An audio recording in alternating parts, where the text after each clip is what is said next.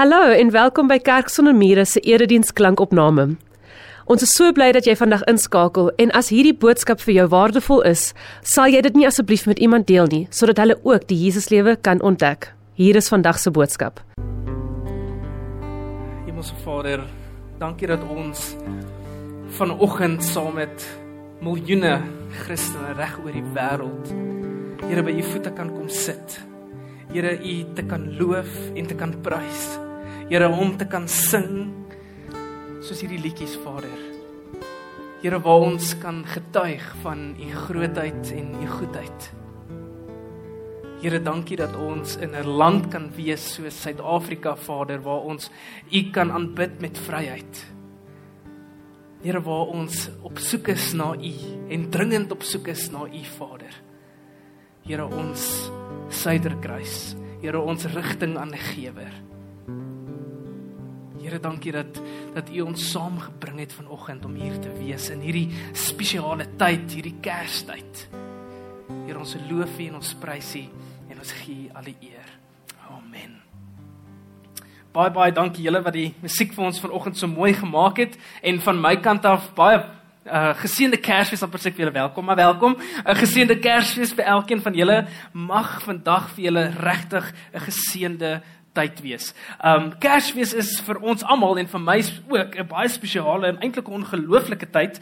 Um dit is 'n tyd waar families bymekaar kom, vriende bymekaar kom, vriende mekaar nooi. Die klank is alright. Hulle gaan nou regkom. Geskenke vir kinders, geskenke vir mekaar, vir geliefdes. Ek die Kersfees maal natuurlik. Wie van julle het iets in die oond of is dit klaar? Was dit klaar in die oond? Ehm um, julle sien uit om iets te gaan eet wanneer Stefan uiteindelik klaar gepreek het. Jy weet, is hierdie ongelooflike vrede en vreugde in hierdie tyd wat ons na uitsien. Ehm um, en vir baie mense is is hierdie 'n tyd waarna ons uitsien wanneer 'n blaaskans. Uh vir baie mense wat nie hier is vandag nie, is al by die see. Hulle gaan na 'n ander kerk toe vandag en hulle gaan die Here daar loof en prys en en, en hierdie spesiale dag vier. En vir baie mense is dit half die rus voor die storm, jy weet, voor die nuwe jaar begin oor 'n week. Ehm um, jy weet dit is 'n dis 'n tyd waar ons letterlik ons batterye kan herlaai. Maar wat die beste is vir my van hierdie tyd is die misterie dat God in Christus mens geword het en onder ons kom woon het.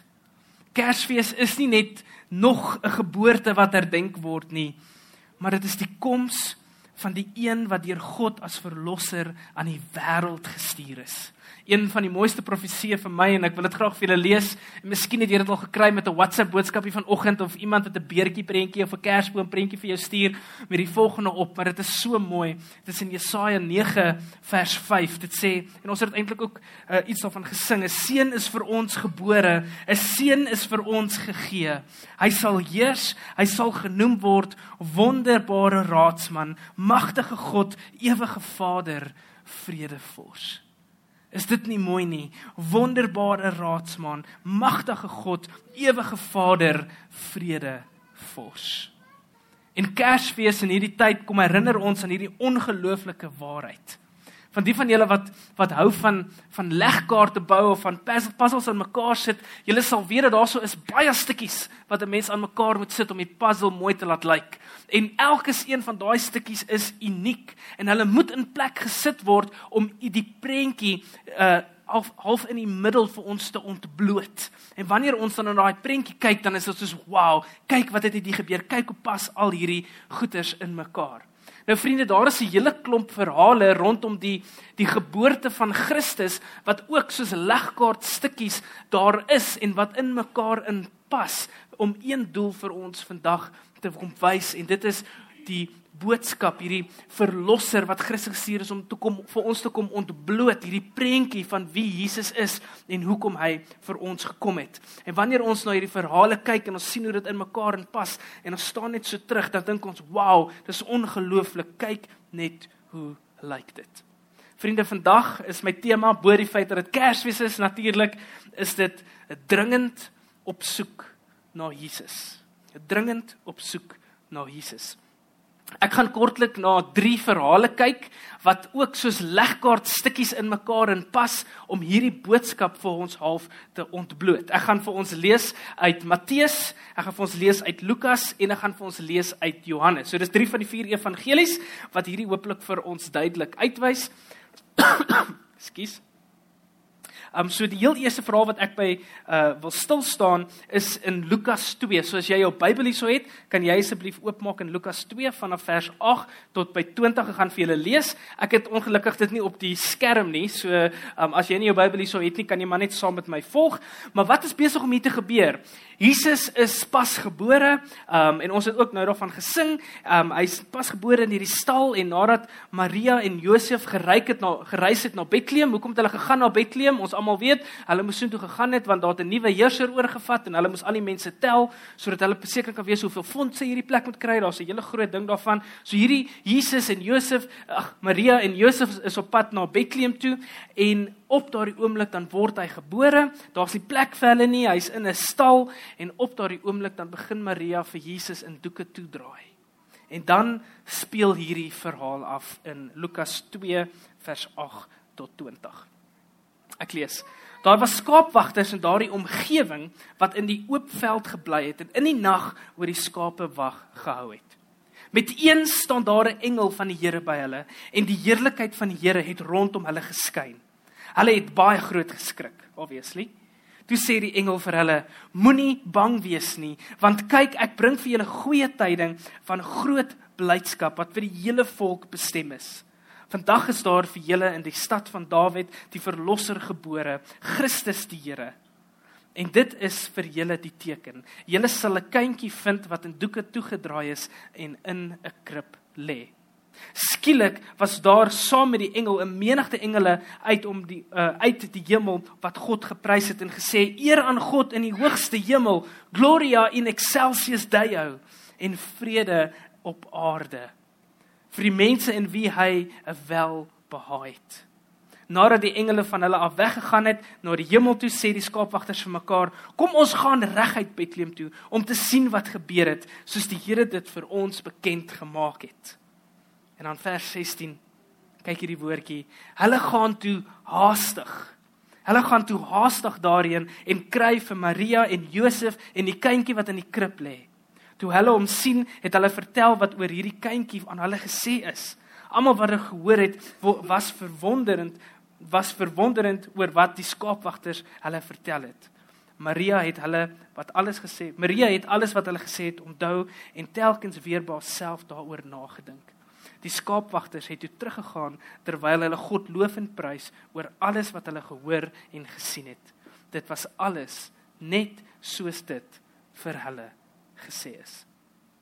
Vriende, gewoonlik sou die aankondiging van die geboorte van 'n prins eerste aan ander konings of hooggeagtes vertel word of aangekondig word.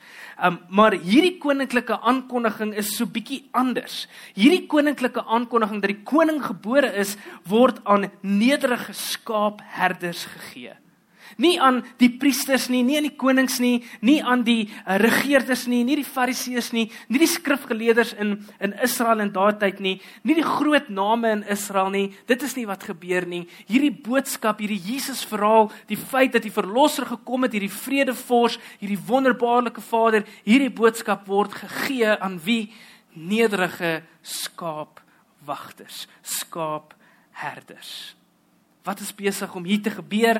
God is aan die stuur. God is besig om 'n prentjie te skets en in plek te laat val sodat mense kan sien sy plan wil hy vir die wêreld openbaar en hy doen dit op so 'n manier presies as vir wie hierdie boodskap bedoel is. Julle sien skaapherders was nie altyd die gewildste mense gewees onder die Jode nie. Nou, lyk my die Jode het 'n klomp issues gehad en elke keer as ons oor lees, dan hulle hou nie van hierdie persoon nie, hulle van daai persoon nie, hulle van hierdie persoon nie. You know, hulle is 'n interessante spesies, maar ook hulle eie mense, die skaapwagters, hulle was ook nie gewild onder die Jode gewees nie. Hoekom nie? Hoekom was hulle nie gewild nie? Wel, as jy 'n skaapwagter is en jy het 'n klomp vee wat jy na moet kyk en dan moet jy 24 uur, 7 dae 'n week dan moet jy saam met hierdie skape beweeg. Hoekom? Want iemand kan jou skape steel, iemand kan jou skape of iets kan jou skape eet. Um en dit beteken ook as ek heeltyd by hulle moet wees, as ek bietjie vuil en ek is sweterig, dit beteken ook dat ek kan nie noodwendig die Sabbat heilig nie want ek moet saam met diere rondloop. You know, daar was tot 'n stupid wet gewees dat jy mag net soveel tree gee op die Sabbat en that's it. You know, hulle moes saam met hulle skape beweeg en dan het hierdie ander heilige Jode na hulle gekyk en gesê, "O, julle kan nie dit doen nie of julle kan nie die, die Sabbat heilig nie" en daarom word hulle klein bietjie so half uitgestoot. Hulle was eintlik gesien, hierdie skaapwagters was eintlik gesien as 'n laer klas burger. Jy weet, mense wat bietjie armer is of mense wat minder belangrik is. Dit is aan hierdie mense wat God verskyn, 'n engel stuur om te sê ek kies om hierdie boodskap, hierdie boodskap vir die wêreld, my plan, hierdie prentjie, ek kies om hom te ontbloot wie vir hierdie mense. Die mense van wie jy die minste sal verwag om na God te soek. God verskyn aan hulle. Sonder dat hulle vir Jesus gesoek het, sonder dat hulle op soek was na God, sonder dat hulle op soek was na hom, kom God en hy openbaar sy koms aan hulle. En hy laat dinge in plek val sodat hulle kan hoor. En wanneer hy dit doen en hierdie is my ongelooflike hier toe ek hierdie verhaal weer lees en ek ken die verhaal van die skaapwagters en ek hoe alles gebeur het en die engel wat verskyn het, maar die stukkie wat ek altyd misgelees het is is hierdie stuk waar daar 'n koor letterlik, ek dink dink net hier aan, hierdie mense, hierdie skaapwagters, hulle hulle staan daar in die veld of sit of lê, ek weet nie wat hulle gedoen het nie. Hier kom 'n engel en iewes skielik nadat hy hierdie boodskap gesê het, is daar hierdie engelkoor wat voor hulle staan en hierdie engelkoor sing en hy sê Gloria in excelsis Deo. Jy kyk net, kyk net hoe loof ons die Here. Nou vriende, dis dis baie interessant. Uh engele het nie het nie vir Jesus half nodig nie, nie as 'n redder nie, maar hulle is so opgewonde dat die boodskap, dit waarvoor Jesus gekom het, dit God se groot plan geopenbaar kon wees. Hulle is so opgewonde dat hulle daaroor sing. Jy sien vir die afgelope 400 jaar uh vir die Jode was daar niks. Daar was geen uh profeet, geen iemand wat gekom het om te sê of God wat met hulle gepraat het, wat vir hulle aanwysing gegee het. Daar was net absolute stilte. En hier word die stilte verbreek en dit gesê die verlosser is op pad. Hy kom, die koning is hier. Wat ek wil hê dat wat ons met se raak sien in hierdie klein legkaart stukkie wat ons vanaand gepraat het in hierdie verhaal is die feit en ons wil raak sien hoe die dringendheid in die harte van hierdie skaapwagters begin opborrel om hierdie Jesus koning te ontmoet. Vers 16 het ons gelees, hulle gaan toe haastig. Hulle is dringend op soek na hierdie Jesus. En ons moet nie hierdie reaksie miskyk nie. Hulle het sonder huiwering, sonder uitstel het hulle hierdie dringendheid om te gaan kyk, om ernstig, om regtig te gaan uitvind, is hierdie goddelike verlosser hier, het hy regtig gekom? Het hy regtig gekom om een van hulle, die outcast, die armes, die die besiges, die laastes, het hy gekom om hulle te red? Hulle het eers al gaan oorbid nie. Hoe moet ons dit gaan doen? Is ons seker? Is hierdie fake news? Haastig. Haastig het hulle gesê, ons kan dit nie glo nie. Ons kan dit nie glo nie. Kom, ons gaan. En dan hulle eenvoudige geloof het hulle 'n ryk beloning uh, gegee toe hulle daar kom by Jesus en hulle kry hom presies soos wat daar vir hulle verkondig is. Dink net aan daardie joy. Daai glimlag op hulle gesig toe hulle vir Jesus sien daar so saam met sy ma en sy pa. En die Bybel in die teks sê vir ons wat ons gelees het, ewe skielik begin hulle met lofprysing sing en hulle begin God loof. Ek dink net hoe hulle op en af miskien gespring het, kyk net hierdie babietjie, pasgebore babietjie en hulle sien hierdie is die plan wat God vir die wêreld het. En so sien daai mense en hulle gaan en vertel. Hulle word dus die eerstes wat getuig het dat die verlosser in die wêreld ingekom het. So dis die eerste verhaal wat ek wil by stil gestaan het. Die eerste legkaart stukkie. Hulle kon net sien, ontdek en beleef omdat hulle dringend op soek was na Jesus. En dit is met hierdie een verhaal sien ons hoe God aan sy volk, die Jode, openbaar dat hy die verlosser stuur en hoe hy sy boodskap aan hulle bekend maak. Kom ons gaan na die tweede verhaal, die tweede legkaart stukkie en hierdie is in Matteus 2. Matteus 2 vers 1 tot 12. Terwyl jy so intoe blaai, gaan ek vir jou vertel, hierdie is die verhaal van die sterrekykers of die wyses wat van die ooste af gekom het. Um hierdie is nog 'n verhaal wat afspeel in om die geboorte van Jesus half af te kondig. Um en toe ek jonk was, ek weet nie, miskien van julle het ek baie confused geraak. Ek het altyd gedog dit was die die skaapwagters wat die geskenke gebring het. Ek het altyd gedog dit was dieselfde tipe mense dat hierdie een verhaal was, maar hierdie was nie een verhaal nie. Hierdie is 'n heeltemal 'n aparte verhaal van mense wat ver van afkom, nie Jode nie, nie Joodse skaapwagters wat naby was wat Jesus gesien het nie, wat dadelik so intoe kon stap nie. Hierdie was mense wat van ver af gekom het. Mense wat van die ooste af gekom het. En hierdie verhaal beeld uit hoe God uit ander nasies, heidene nasies, 'n dringendheid laat ontwikkel om hom te kom erken en vereer as koning en God. So kom ons lees dit. Matteus 2 Jesus is in Bethlehem in Judea gebore tydens die regering van koning Herodes. Na Jesus se geboorte en ek wil net sê hierdie is omtrent so plus minus 2 jaar na Jesus se geboorte daar rond. Dis nie dieselfde tyd as die skaapwagters nie, so hy was bietjie groter, hy het miskien al rondgehardloop. Na Jesus se geboorte het daar sterrekykers uit die ooste in Jerusalem aangekom en gevra: "Waar is hy wat as koning van die Jode gebore is?" Ons het sy ster sien opkom en ons het gekom om aan hulle om aan hom hulde te bewys. Die koning Herodes hiervan hoor, was hy en die hele Jerusalem saam met hom hewig ontsteld. Hy het toe die priesterhoofde en die skrifgeleerdes van die volk bymekaar geroep en hulle uitgevra oor waar die Christus gebore sou word. Hulle het hom geantwoord in Bethlehem in Judea, want dit is so deur die profeet geskrewe. En jy Bethlehem, gebied van Juda, jy is beslis nie die kleinste onder die leiers van Juda nie. Uit jou sal 'n leier voortkom wat my volk Israel 'n herder sal wees. Daarna het Herodes die sterrekykers in die geheim ontbied en noukeurig by hulle vasgestel wanneer die ster verskyn het.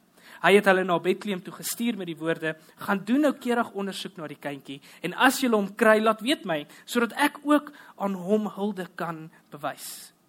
Nadat hulle die koning aangehoor het, het hulle vertrek en kyk die ster wat hulle sien opkom het, het hulle gelei totdat daar totdat dit gaan staan het bo die plek waar Jesus waar die kindjie was. Toe hulle die ster sien, was hulle baie bly. Hulle het in die huis ingegaan en die kindjie gesien saam met Maria, sy moeder. Hulle het gekniel en en aan hom hulde bewys. Daarna het hulle in hulle reissakke oopgemaak en vir hom geskenke uitgehaal: goud, wierook en myrrh. En omdat God hulle in 'n droom gewaarsku het om nie na Herodes terug te gaan nie, het hulle met 'n ander pad na hulle land toe teruggegaan. Hoe bizar is hierdie verhaal eintlik nie?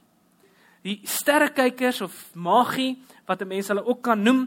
Um hierdie is mense wat vanuit die ver ooste uitkom. So in ander woorde, as die Bybel verwys na die ver ooste, verwys hy na Persië. So as ons in vandag se terme wil kyk, dit is nou ag, amper sê Grieks en Hebreëus. Dit is Irak en Iran. Um daai area, dit is waar die wyse manne van uitgekom het. Nou hierdie uh manne of hierdie wyse mense het die sterre gebruik en 'n klomp goeters gebruik om interpretasies te doen oor die wêreld en oor mense en wat in die wêreld gaan gebeur en al seker tipe goeters. So die Jode alweer het nie baie van hierdie mense gehou nie. En hulle het nie baie van hierdie mense gehou nie, want hulle het na hulle gekyk en vir hulle gesê, "O, julle is besig met afgoderry en towery en allerlei goeters. Hoe weet julle hierdie goeters?" Maar buitekant Israel was hierdie mense in daai want dis omdat dit is heidene nasies, was hulle het hulle eintlik hoë aansien gehad. Jy weet, kyk kyk net wat weet hierdie mense, kyk net wat sien hierdie mense, kyk net wat openbaar hierdie mense. Hierdie mense, hierdie wyse manne wat van die ver ooste van Irak, Iran se kant af kom, hulle het op een of ander manier, dit moes ook 'n goddelike manier gewees het, het hulle hierdie boodskap ontvang, as dit nou deur 'n engel was of deur die sterre was, I don't know. Um, maar hulle het hierdie boodskap dat die koning van die Jode gebore is in die land van Israel. So aan die ander woord toe hierdie hierdie Jesus gebore is en die en die skaapwagters kon gaan, het daar iewes skielike sterre begin verskyn en hierdie mense het dit opgelet en gesê dit is anders. So vir 2 jaar is hierdie mense half op soek na wat beteken hierdie ster. En dan kom hulle op hierdie punt waar hulle hierdie boodskap ontvang het. Wat aangrypend vir my is van hierdie verhaal is die dringendheid en die begeerte wat hulle het, die ont, wat hulle ontwikkel het om hierdie koning te gaan besoek. Hierdie dit moes so aangrypend gewees het, hierdie gebeurtenis moes so significant gewees het dat hierdie mense gesê het ons wil daarheen gaan. Hoekom bly hulle nie daar nie? Hoekom het hulle gekom? Dit dit maak nie sin nie. Hoekom sal iemand van Botswana af hiernatoe reis? Hoekom? net as dit significant of aangrypend genoeg was, as dit hulle so geroer het dat hulle daarheen sou wou gaan. Hulle wil die koning besoek. Waar is die mees logiese plek om 'n koning te kry? In die paleis natuurlik. Dit is hoekom hulle na koning Herodes toe gaan. Dis die logiese plek. Kom ons gaan Israel toe. Waar is die koninklike paleis? Die koning moet daar wees. En toe hulle daar kom, toe is dit nie waar Jesus is nie. En dit het natuurlik vir koning Herodes omgekrap want nou is daar iemand wat ehm um, hom bedreig. En dit is ook die rede hoekom hy almal onder die jaar 2 jaar en onder laat doodmaak het. Waar ek wil by uitkom by hierdie verhaal is hoe dit getuig van die ongelooflike koste wat die wyse manne aangegaan het om hierdie koning van die konings te ontmoet. Daar moes so iets radikaal en dringend in hul harte gebeur het dat hulle besluit het dat hulle vir weke, vir maande, vir jare gesoek het sonder opgee om by hierdie koning uit te kom. Vriende, dit was nie net in die straat af nie. Hierdie mense het honderde kilometers gereis. Hulle het die gemak van hulle huise verruil vir die ongemak vir hulle kamele en donkies en self hulle voete. Dink net hoeveel dit hulle gekos het om op hierdie in hierdie tydperk te reis om te sê ons weet nie waar ons gaan eindig nie, maar ons gaan hierdie koning soek. Ons weet nie hoe lank dit gaan vat nie, maar ons het 'n dringendheid om hierdie koning te ontmoet en te vereer as koning. Dit was ook gevaarlik geweest vir hierdie mense. Dit klink amper soos Suid-Afrika. En as jy kom in die aand en jy kom by 'n stopstraat, jy weet moet jy pas op. Iemand mag jy dalk oor die kop slaan met 'n ding. Selfs vir hulle. Hulle is op reis op hulle donkies en hulle het goud en goed in hulle sakke. Iemand kan hulle, oeps, iemand kan hulle regtig om die kop slaan met iets en dit vat. Maar hulle besluit die koste wat dit vir ons het om hierdie koning te soek, maak nie saak nie. Daai spreekwoord van waar daar 'n wil is, is daar 'n weg. En uiteindelik wanneer hulle by hierdie Jesus aankom, om hom te vereer as koning om te erken dan haal hulle hierdie luukse geskenke uit. Goud wierook en mirre. Wat is die waarde hiervan? Wat is die waarde van hierdie verhaal en van hierdie aksie wat hulle doen? Julle sien terwyl Jerusalem Jesus se eie mense se eie volk ontstel is terwyl die Jode planne maak om hom dood te maak en gerugte van hierdie koning om dit te probeer in die kiem te smoor Terwyl dit gebeur, berei God vir sy Messias alreeds lof en aanbidding voor uit die optredes van die heidene. Hulle erken van ver af sy ster, ver uit die ooste, terwyl sy eie mense geen begrip openbaar of ervaar nie. Met hierdie verhaal wys God dat die plan alreeds by Jesus se geboorte geopenbaar is. Dat hy ook die koning van die heidene sal wees en ook geëer sal word as hulle verlosser dit terwyl die Jode hom verwerp. Jesus is wel koning van die Jode, ons weet dit.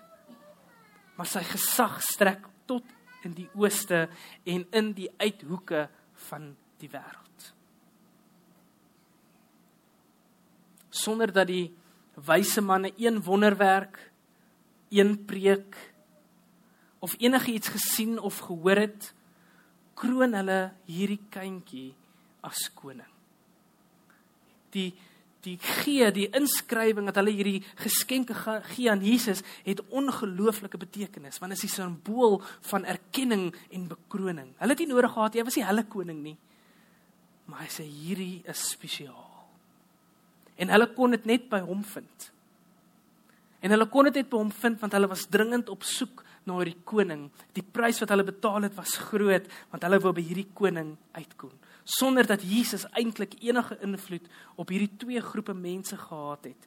Beide die Jode en die heidene was daar 'n dringendheid in hulle harte ontwikkel om hom as koning en verlosser te eer. So dit is die tweede stukkie van die legkaart. Naby en 'n bietjie ver en hoe hierdie prentjies bymekaar kom. Nou vriende, soos julle sal weet, as jy die Bybel miskien baie goed ken, is daar vier evangelies: Matteus, Markus, Lukas en Johannes. Die eerste drie is die sinoptiese evangelies en hulle is baie dieselfde, hulle beskryf baie dieselfde goed. Ehm um, so die twee verhale wat ek nou gelees het is die geboorteverhaal van Jesus. Markus het nie een nie, maar Johannes het glad nie 'n geboorteverhaal van Jesus nie. Niks. Hy beskryf dit glad nie. Jy weet en dan vra die mense, "Ek wonder hoekom?" Jy weet al die evangelies is so belangrik. Dit beskryf Jesus wat gebore is, maar nie nie Johannes nie. Johannes doen nie dit nie. Maar as 'n mens bietjie nader kyk, as 'n mens regtig in die teks ingaan, dan sien jy maar die Johannes evangelie beskryf 'n geboorteverhaal. Dit beskryf nie die Jesus se geboorteverhaal nie, maar dit beskryf 'n wedergeboorte verhaal. En dit is al vir my waar hierdie twee verhale van Jesus se gebore, geboorte wat gekom het as verlosser, al vir my tot vervulling kom en hoe hierdie prentjie, hierdie legkaart in mekaar begin inpas om vir ons te kom ontbloot wie hierdie Jesus is. Jesus se geboorte lei tot die wedergeboorte van 'n mens, iemand wat op soek is na hom. So kom ons lees in Johannes hoofstuk 3, ook vanaf vers 1. Johannes hoofstuk 3 En hierdie is die verhaal van Nikodemus. Voor ek begin lees, het julle ook kan weet, hierdie was 'n Fariseer gewees. Hy was 'n ou wat soos ek in die kerk gepreek het. Um mense het van hom gehou, hy het van mense gehou, het die woord geken ensovoorts. Dit is wie hierdie ou is. So daar was 'n man met die naam Nikodemus. Hy het aan die party van die Fariseërs behoort en was 'n lid van die Joodse raad. amper soos die sinode. Eendag het hy na Jesus toe gekom en vir hulle gesê: "Rabbi, ons weet dat u 'n leermeester is wat van God afgekom het. Want niemand kan hierdie wondertekens doen wat u doen as God uh, as God nie by hom is nie." Daarop sê Jesus vir hom: "Dit verseker ek jou, as iemand nie opnuut gebore word nie, kan hy die koninkryk van God nie sien nie." Nikodemus vra toe: "Hoe kan 'n mens gebore word as hy al 'n ou man is?" Natuurlik, want Nikodemus was 'n ou man. Hy kan tog nie 'n tweede keer in sy moeder se skoot kom om gebore te word nie. Jesus het geantwoord: Dit verseker ek jou. As iemand nie uit water en gees gebore word nie, kan hy nie in die koninkryk van God kom nie. Wat uit die mens gebore is, is mens, en wat uit die gees gebore is, is gees. Hierdie verhaal vertel die verhaal van 'n man wat eintlik alles het. Uh hy het alles maar hy is eintlik niks. Hy is beroemd, hy's gewild, hy's gerespekteer, hy's ryk, maar tog is hy leeg aan die binnekant en ontevrede met sy lewe. Hy soek antwoorde op ehm um, op die verlange van sy hart en hy bevind hom dan by Jesus se deur, by Jesus die lig in die duisternis. Hy is 'n onderwyser want hy het mense geleer oor die woord in die uh, Ou Testament ensovoorts. Hy is 'n onderwyser wat kom om geleer te word. Nikodemus het alles gehad, maar tog soek hy iets. Hy het 'n begeerte en hy het 'n dringendheid om sy hart om vir Jesus te soek. Hoekom soek hy Jesus? Want die legkaart stukkies kom vir hom bymekaar. Die prentjie dat Jesus nie net nog 'n man is nie, begin vir hom duidelik word. Die verhale, die wonderwerke bevestig dat Jesus se geboorte nie net nog ander geboorte was nie, dit het werklik die koning van die konings kom uitwys en hy wil hom ook om eer as die koning van konings en ook sy koning. Nikodemus as jy die verhaal gaan lees, sal jy sien besoek Jesus in die nag ten spyte van die gevaar. Miskien wou mense nie gehad, onthou die ander Jode, die ander Fariseërs wou nie gehad het dat die Fariseërs met Jesus moet meng nie. Hulle het nie regtig van hom gehou nie, want hulle het gedink hy's iets soos 'n vals profeet. So hy kon bietjie weggekruip het daarvoor. Maar hy het 'n dringendheid om by Jesus uit te kom, so hy doen dit onder die covering van die aand in die donkerte. Wil hy daarby uitkom? Nou daar's een of 'n teorie ook daar buite wat sê dat hy het nie noodwendig Jesus besoek in die aand net omdat hy bang was nie, maar dit is half 'n simboliese betekenis van sy lewe dat hy ken alles, hy het alles, maar hy lewe eintlik in die donkerte en hy's op soek na die lig. Hy's op soek na Jesus Christus, die lig wat in die wêreld skyn. Ten spyte van sy godsdienstige lewe is hy leeg en daarom vriende is hy dringend op soek na die een wat die lig bring, Jesus. Vriende, Jesus het nie net gekom omdat hy wou nie. Jesus het gekom omdat ons hom regtig nodig het. Hy het gekom sodat ons weergebore kan word. John Piper skryf vir al oor hierdie verhaal en hy skryf dat en ek gaan dit in Engels lees what happens in the new birth is not getting new religion but getting new life. Wedergeboorte is nie net om, om nog godsdienstig te word, om meer kerk toe te kom nie, maar dit is om vernuwe te word, getransformeer te word in ons leefstyl. Hoekom? Want ons lewens getuig van die koning, die verlosser, die een wat ons vrygemaak het. Dit is wat ons verkondig vandag. En dit is hoe hierdie stukkies in mekaar inpas en dit is wat Nikodemus vir ons kom uitwys. John MacArthur skryf ook hierso oor en hy sê van die begin af het die lewe en bediening van Jesus Christus mense in verwondering en verbasing laat staan. Ongelukkig het baie van daardie verbasing toe net soos nou nie toewyding voorgebring nie, maar bloot nuuskierigheid. Toe die herders die goeie nuus van die verlosser se geboorte ontvang het, het hulle hom dadelik en met dringendheid gesoek. Maar al wat daar gesê word oor die mense vir wie hulle gaan vertel het, die mense wat die boodskap by hulle ontvang het, al wat daarvan hulle gesê word is dat hulle was verbaas. Dis al. Dis al wat daarvan hulle gesê word. En nadat hulle aanvanklike verbasing afgeneem het, het die mense seker maar net met hulle lewe aangegaan, so asof niks gebeur het nie. Hierdie Kerstyd word ons daaraan herinner dat ons dringend op soek na Jesus moet wees. Hoekom? Want wanneer ons dringend op soek is na hom, dan sal ons hom vind. En ons sal bekend gestel word aan dit waarna ons soek, die lig en hy sal ons vervul. Hierdie legkaart stukkies dui op dit. Die koms van Jesus, die mooi verhaal van die skaapwagters tot die wyse manne en daar's nog klomp ander verhale wat ek nie tyd het vir vandag nie. Pas in mekaar om hierdie prentjie vir ons uit te wys. Dat Jesus ons verlosser is. Kom ons bid saam. Hemelse Vader, dankie dat U vir ons in U teks eintlik soveel juwele vir ons gee En wanneer ons daarna gaan kyk en en luister, dan kan ons iets nuut ontdek van wie U is. Here, in hierdie Kerstyd, wil ons nie net hê dit moet net vinnig verbygaan en dit net gaan oor die geskenke en die lekker kos nie en dit is great en dit is lekker.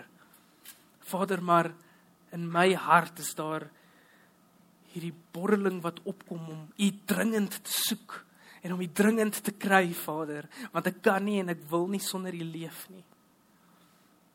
Here, my gebed is dat ons met dringendheid hier sal uitstap. Nie om die bout uit die oond te gaan haal nie, Here, maar om met dringendheid U te gaan soek, om U te ontdek. Here, en mag U ons lewens transformeer, verander van die binnekant af buitekant toe. Nie net aangeplak nie, Here, maar getransformeer. Here mag ons hier uitstap en in hierdie dag U loof en U prys. Mag ons hierdie boodskap aan die mense rondom ons ook uitdra. Here ons bid dit in die naam van Jesus Christus.